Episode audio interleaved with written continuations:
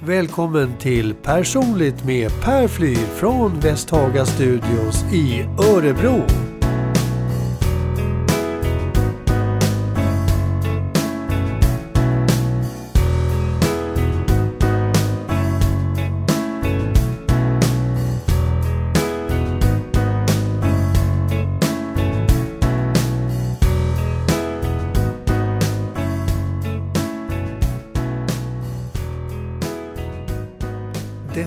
Med att lyckas tjäna pengar i livet, det börjar på något sätt precis i dess enklaste form.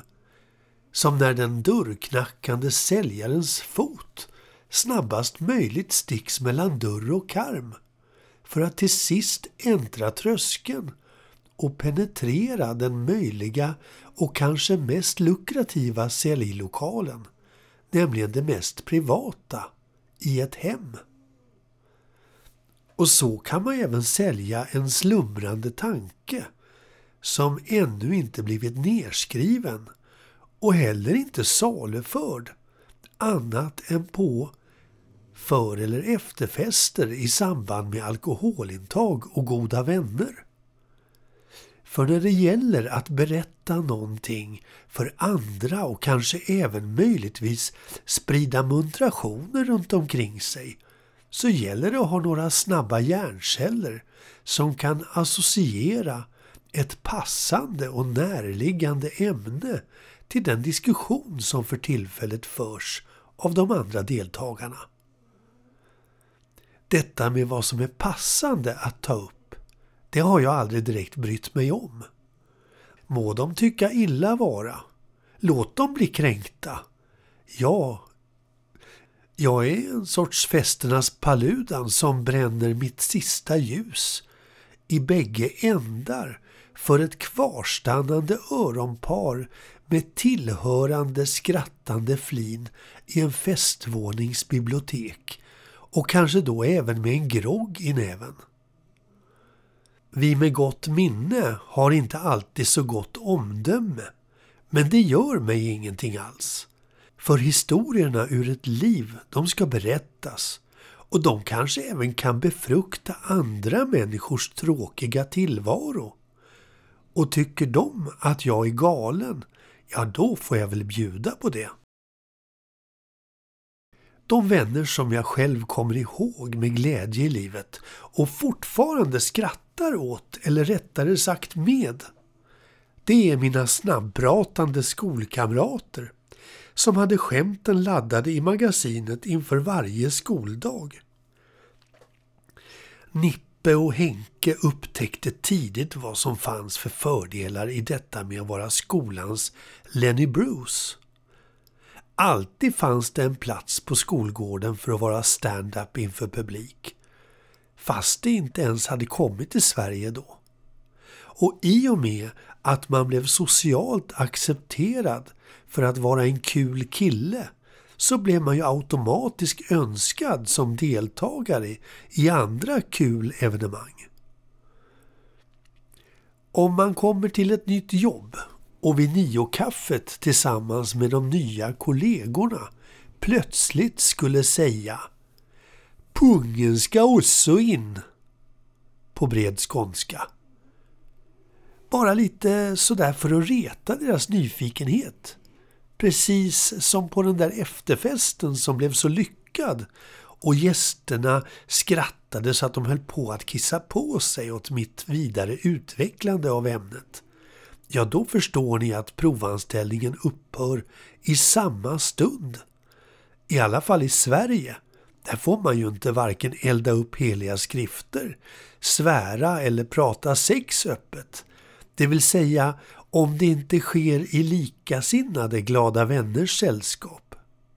Och en slumrande podd tar plötsligt fart när det behövs mer streamingpengar till poddmakarens husköp eller utlandssemester.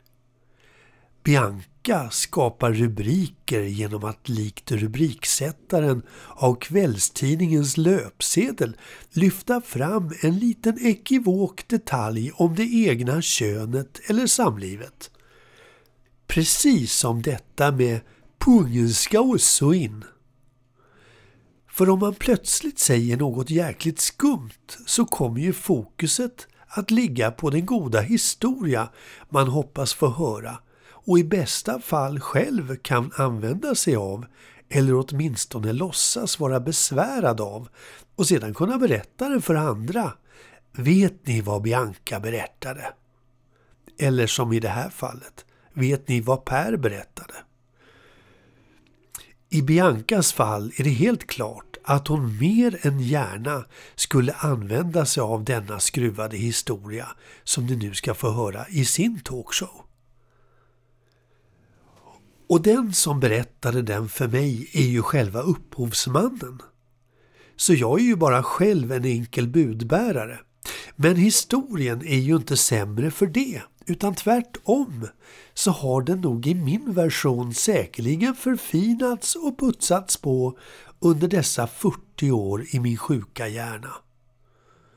Och jag måste ändå ge mig själv en eloge för att jag nämner alltid upphovsmannen vid namn när jag berättar den för andra. Först var det lite som så att jag kände att det inte var så farligt om det hade kommit ur någon annans mun. Men numera är det mer som en hyllning till Nippes förmåga att trollbinda med anekdoter ur livet som han var fascinerad av. Min kompis Nippe blev senare statist i Rederiet och gjorde till slut även en egen tv-show. Men hans glansdagar var faktiskt på skolgården och på för eller efterfester i glada vänners lag. Han hade liksom tidigt redan hittat sin trogna publik i oss kompisar. Och allt som Nippe sa var stor komik i skolans korridorer och matsal. Just denna historia om pungen ska jag nu berätta för er.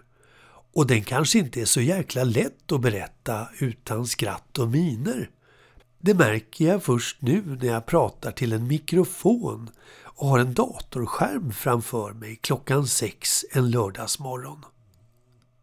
Det fanns en porrfilm med en skånsk ung tjej som medföljde i en pornografisk kiosktidning. Och i denna videofilm så hade hon och hennes kille vilt sex på en filt i skogen. Mitt i aktens hetta så säger hon tittandes in i kameran under flåsande att pungen ska också in. Som en sorts uppmaning till sin unge partner och kanske också till oss oinvigda gossar i sjunde klass. Detta blev ju som alla kan förstå en snackis bland oss pubertetsstinna killar i Vällingbyskolan och videon cirkulerade mellan oss som en sorts facklitteratur inom sexualupplysning. Vi hade väl egentligen gjort bäst i att helt enkelt gått och frågat vår eminenta biologilärare Runer Weiler som nog hade skrattat åt våra spekulationer av sanningshalten i den unga skånskans uttalande i filmen. Men vi frågade honom inte på den tiden utan med våra finniga flinande ansikten och målbrottsröster diskuterade vi både nödvändigheten och även möjligheten att behöva föra in pungen under samlaget. Och även väcktes ju frågeställningen om detta eventuellt kunde vara en lokal sed i Malmö med omnejd. Ett par veckor senare kommer Nippe med ett tidningsurklipp i högsta hugg, stolt triumferande. Det visar sig vara en frågespalt från samma herrtidning där en anonym ung man ställer den mycket relevanta frågan Måste pungen föras in vid samlaget?